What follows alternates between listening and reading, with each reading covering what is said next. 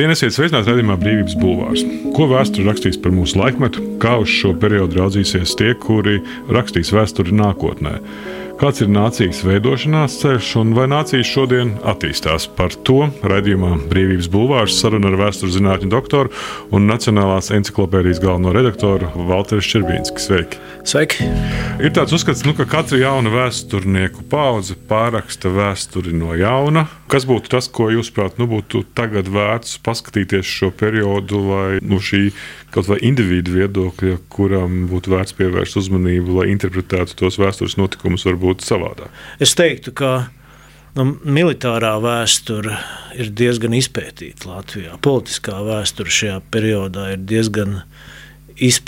Protams, ik pa laikam arī tagad radās jautājumi, varbūt kādu lietu niansētāk aplūkot, pārskatīt, pārvērtēt sevišķi.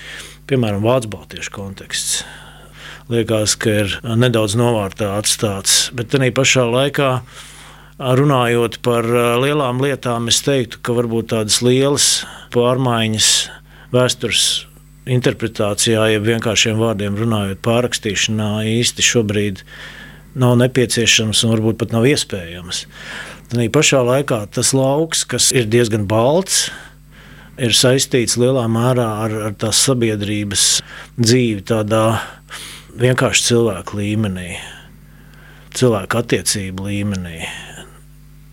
Jautājums par to, ko pētīt, ir viens, un jautājums, kā interpretēt to, kas ir savādāk, ir otrs jautājums.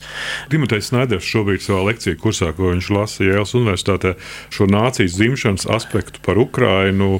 Nu, Salīdzinot šo savā ziņā likumsakarības un brīnumu, kāda radās kāda nācija. Nu, Un, ja mēs paskatāmies to Latvijas nācijas rašanos, tad, Jā, es... protams, jūs arī pats teicat, ka tas jau nav nekāds 18. gada 8. novembris. Tam jau ir daudz senāks saknes un cēloņi. Jā, bet, bet es domāju, ka neviens jau to īsti nav apgalvojis. Un, man liekas, nedaudz tā, tā pretruna ir, ka viens, ko uzskata sabiedrībā, vairāk vai mazāk, teiksim, sabiedrībā nedaudz pēdiņā. Mums vajag datumu?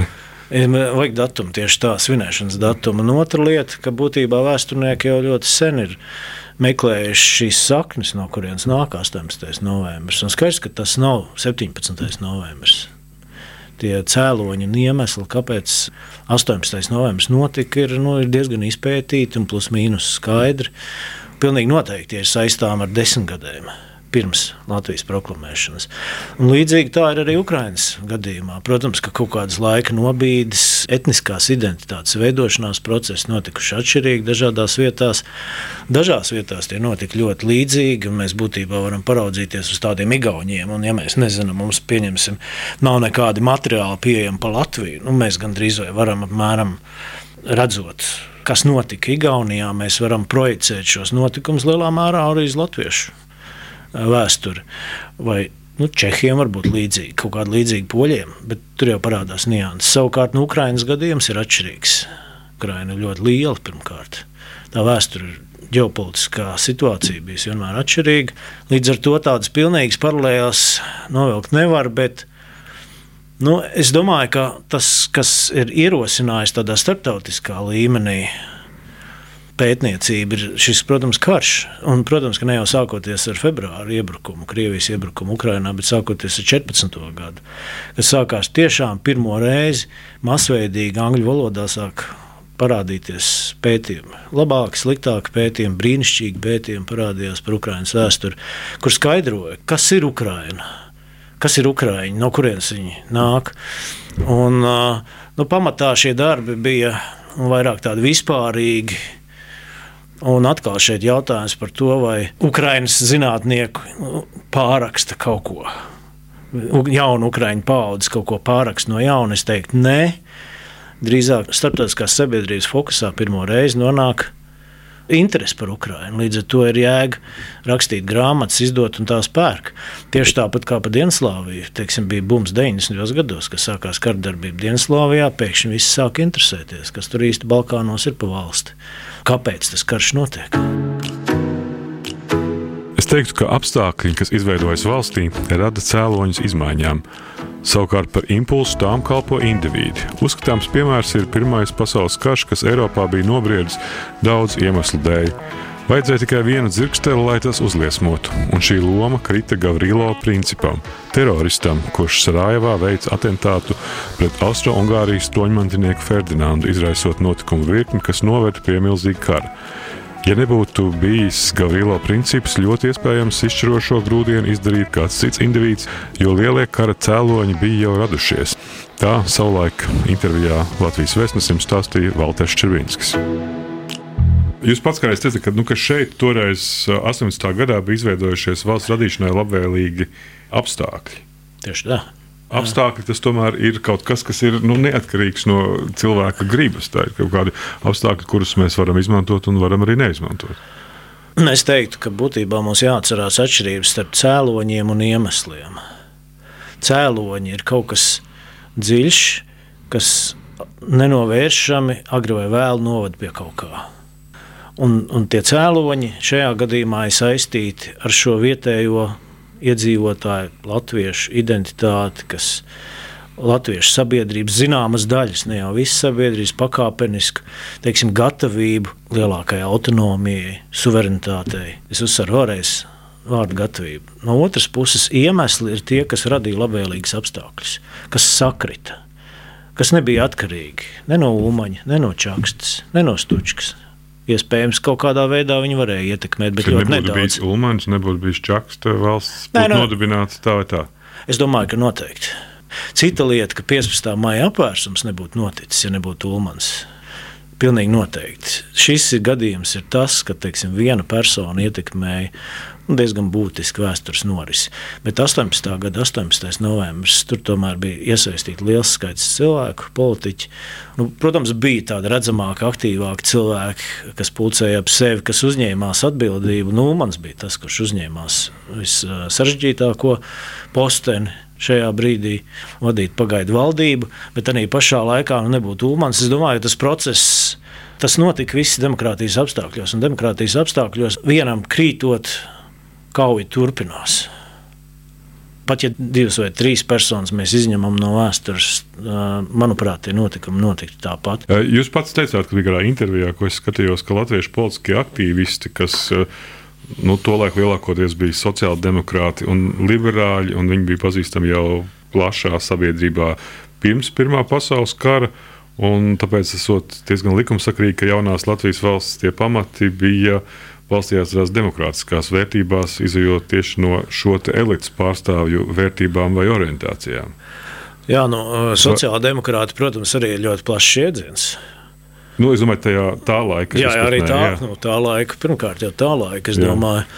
LSDSP ir gan labējais, gan kreisais spārns. 40. gads ir zināms pārbaudas akmens. Mēs redzam, kā šķirās šie likteņi. Vienas partijas biedriem ļoti atšķirās šīs nostājas. Bet vai tam kādā veidā dibināja valsti toreiz šie cilvēki, nu šī tā laika elite? Vai tam ir kaut kāda kontinuitāte attiecībā uz to, kas notiek jau pēc 91. gada? Jā, tas ir sarežģīts jautājums. Es domāju, ka skaidrs, ka ir kaut kāda nozīme. Bet eh, es teiktu, vēl lielāka nozīme ir tam, kas notika pēc 15. māja. Un eh, vēl lielāka nozīme ir tam, ka pastāvēja 20 gadus neatkarīga Latvija. Es domāju, ka vēsturiski notikumi ietekmē, tie nepazūd kaut kā pēkšņi neizgaist. Tiem ir ietekme uz nākamajiem procesiem. Galu galā cilvēki arī pēc 50, 70, 100 gadiem. Jā, es domāju, arī pēc, vēl, pēc simtiem gadu.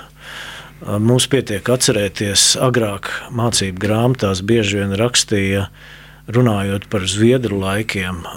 Baltijā rakstīja vecie labie zviedru laiki, kas tika uzskatīts, ka saistās ar mums vairāk. Nē, mums tādas atmiņas ir pārāk senas, bet 19. un 20. gadsimta sākumā uzskatīja, ka joprojām kaut kādas atmiņas saglabājušās, varbūt maldīgas mitoloģisks, bet faktiski ar kaut kādu labo zviedru ķēniņu, kas ir valdījis šeit puslīdz godīgi un rūpējies par nabagu.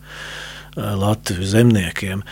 Līdz ar to šīs atmiņas mēdz. Patie, patiesība bija savādāka. Bet patiesība bija savādāka. Man nesen bija saruna ar, ar Zviedru encyklopēdijas satura vadītāju, un es viņam minēju šo faktu par šādu interpretāciju mācību grāmatās, nu, viņš pasmējās. Viņš saka, nu, tā jau nav, bet no otras puses, ja mēs analizējam, salīdzinām šos dažādos režīmus, kādi pastāvēja vēsturē, nu, protams, ka var teikt, ka Zviedri teiksim, bija vienlīdzība lielāka. Bet nu, vienalga, tas tur, tur nebija nekāds sakars ar demokrātiju vai īpašām simpātijām pret latviešu zemniekiem. Bet uh, jautājums par šo pārmantojamību ideju. Nu, es domāju, ka Un man tā sajūta saka, ka tikmēr, kamēr ir dzīve, cilvēki, kas atcerās kaut vai kripatu no attiecīgā laikmeta, viņi diezgan spēcīgi ietekmē to domāšanu gan saviem bērniem, gan mazbērniem. Un es pirmkārt atceros savu bērnību, kā es augu, kas man apkārt notika, ko man runāja apkārt. Tā bija Padomju Savienība. Tā bija okupētā Latvija. Padomju okupētā Latvija un uh, mana oma. Teiksim, es nāku no Grīziņkalna, tāds ievērojams Rīgas rajons. Oma bija strādniece, bijusi 20. un 30. gados strādniece, un bija arī strādniece okupācijas laikā. Un daudz skolas nebija beigusi, bet viņas attieksme pret komunistiem, pret šo režīmu bija negatīva. Ļoti negatīva. Viņa pieminēja Latvijas laiku, ļoti pozitīvi, neiegrimstot detaļās. Man varbūt arī tas īpaši neinteresēja, bet viņa visu laiku uzsvēra, uzsvēra tās sarežģītās attiecības, etniskās, kādas mums bija izveidojušās šajā laikā, 70. un 80. gados. Viņi vienmēr kritiski izteicās par komunistiem, atkal neiedziļinoties, neanalizējot. Un viņi nebija vienīgā. Tādu cilvēku bija gana daudz manā apkārtnē. Un, un ir skaidrs, ka tie bērni, kas auga šādā vidē, Pat ja viņiem teiksim, likās, ka kaklaut uzsiet ir kaut kas skaists, nu, bērni jau nesaprot, neiedziļinās politiskās lietās parasti.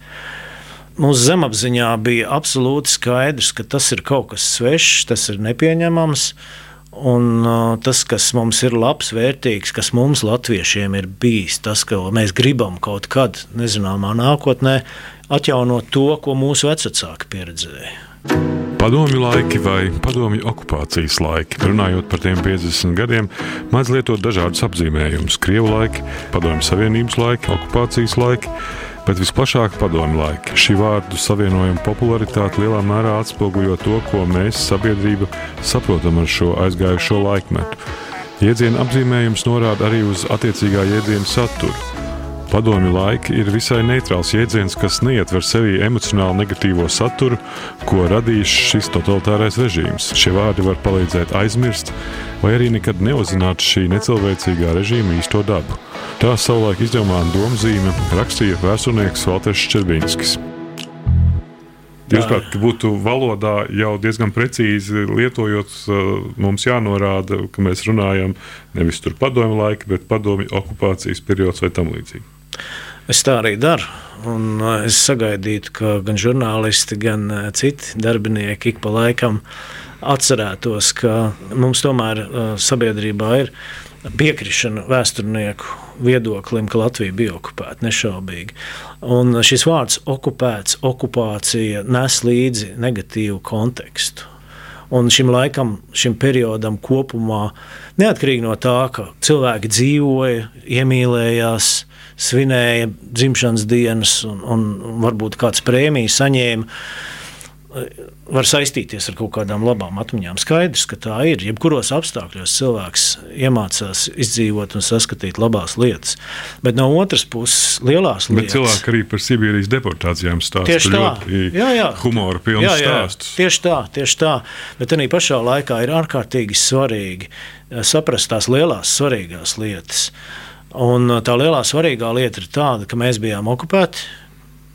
Mēs, kā nacionāla valsts, kā Latvijas, neatkarīga Latvijas valsts, pārstājām eksistēt de facto. Un otrs punkts, ka mēs nebijām brīvi. Bieži vien ir runa par uh, atkal spēlējoties ar vārdiem un valodu, lieto vārdu brīvības cīņas.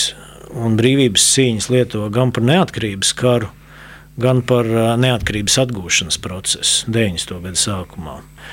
Un es uzskatu, ka tā lielā atšķirība ir 18, 19, 20 gadā tās nevarēja būt brīvības cīņas. Tas, ka kāds zvejnieks ir nosaucis tās par brīvības cīņām, ir, ir labi, bet tas neatbilst patiesībai, jo cilvēki jau bija brīvi pirms tam.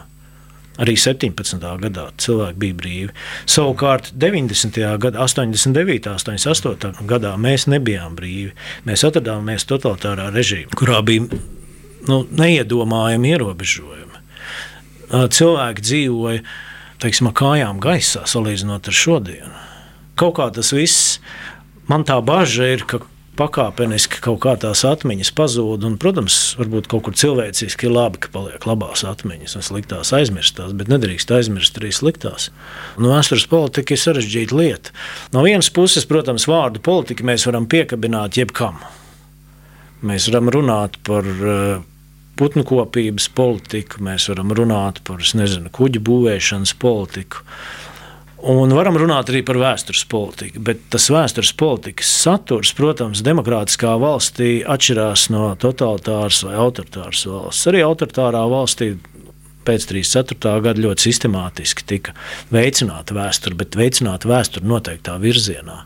Varbūt nepasakot brutāli priekšā, kas tiem vēsturniekiem ir jāatklāj pēdiņās, bet no otras puses akcentējot teiksim, nepārprotami dodot signālus, ka jūs iegūsiet un būsiet sekmīgi, ja jūs izdarīsiet tādus un tādus secinājumus vai uzgleznosiet viestartu gleznā.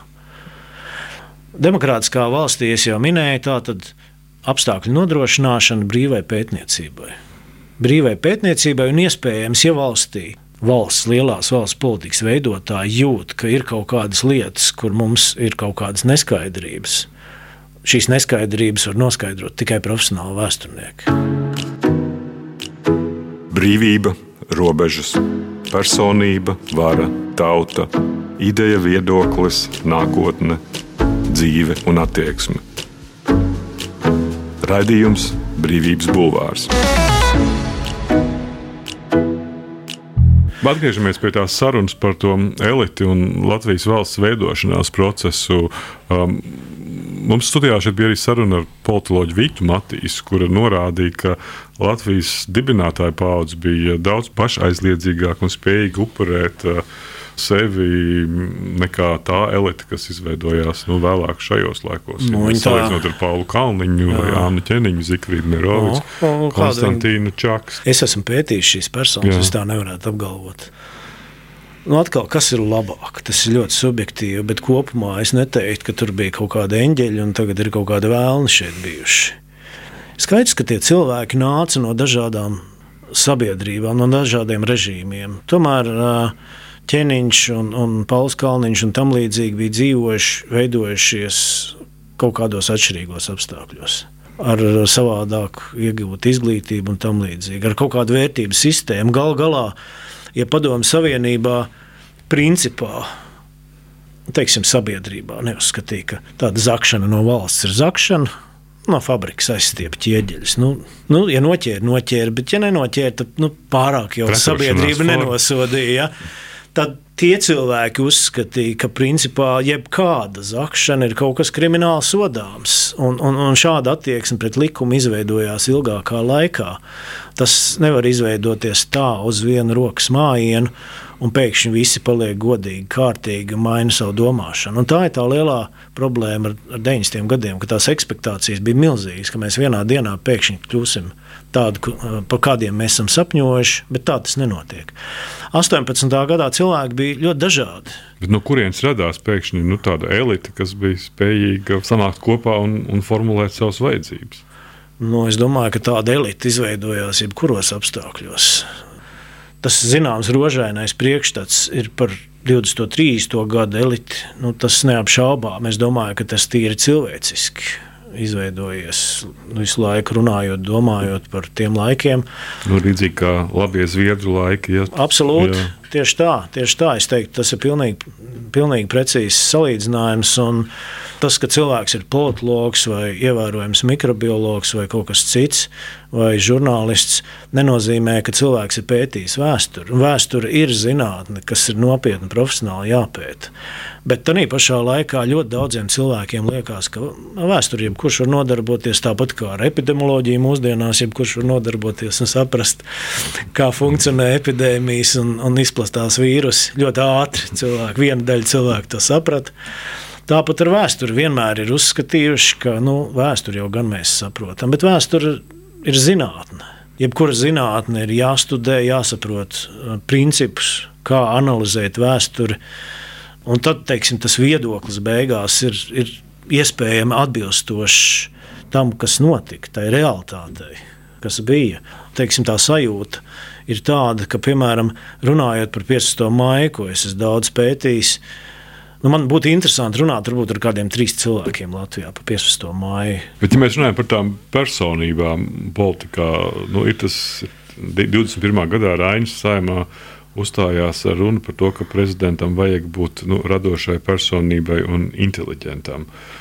Vai tā politikas vajadzība attiecībā uz personālajām nu, mainās? Lai šāda raņa runa šobrīd tiktu zināms maidu, uztvērta, zinot to, kā mums tie prezidenti ir ir mainījušies. Nu, Rainis, protams, mēģināja mērķēt uz sevi. Jā, Rainis mēģināja uz sevi mērķēt, bet es domāju, ka viena lieta ir, ko kāds intelektuāls publiski pauž, kā vajadzētu notikt. Otra ir šī realitāte, politiskā realitāte. Viena lieta ir, ko teiksim, sociāldemokrāti pauda no tribīnas, tā skaitā Pauls Kalniņš, nokaitinot uh, lielu daļu sabiedrības uh, 18. novembrī paziņojot, ka neatkarīga Latvija ir tikai ceļš uz sociālistisku valsti.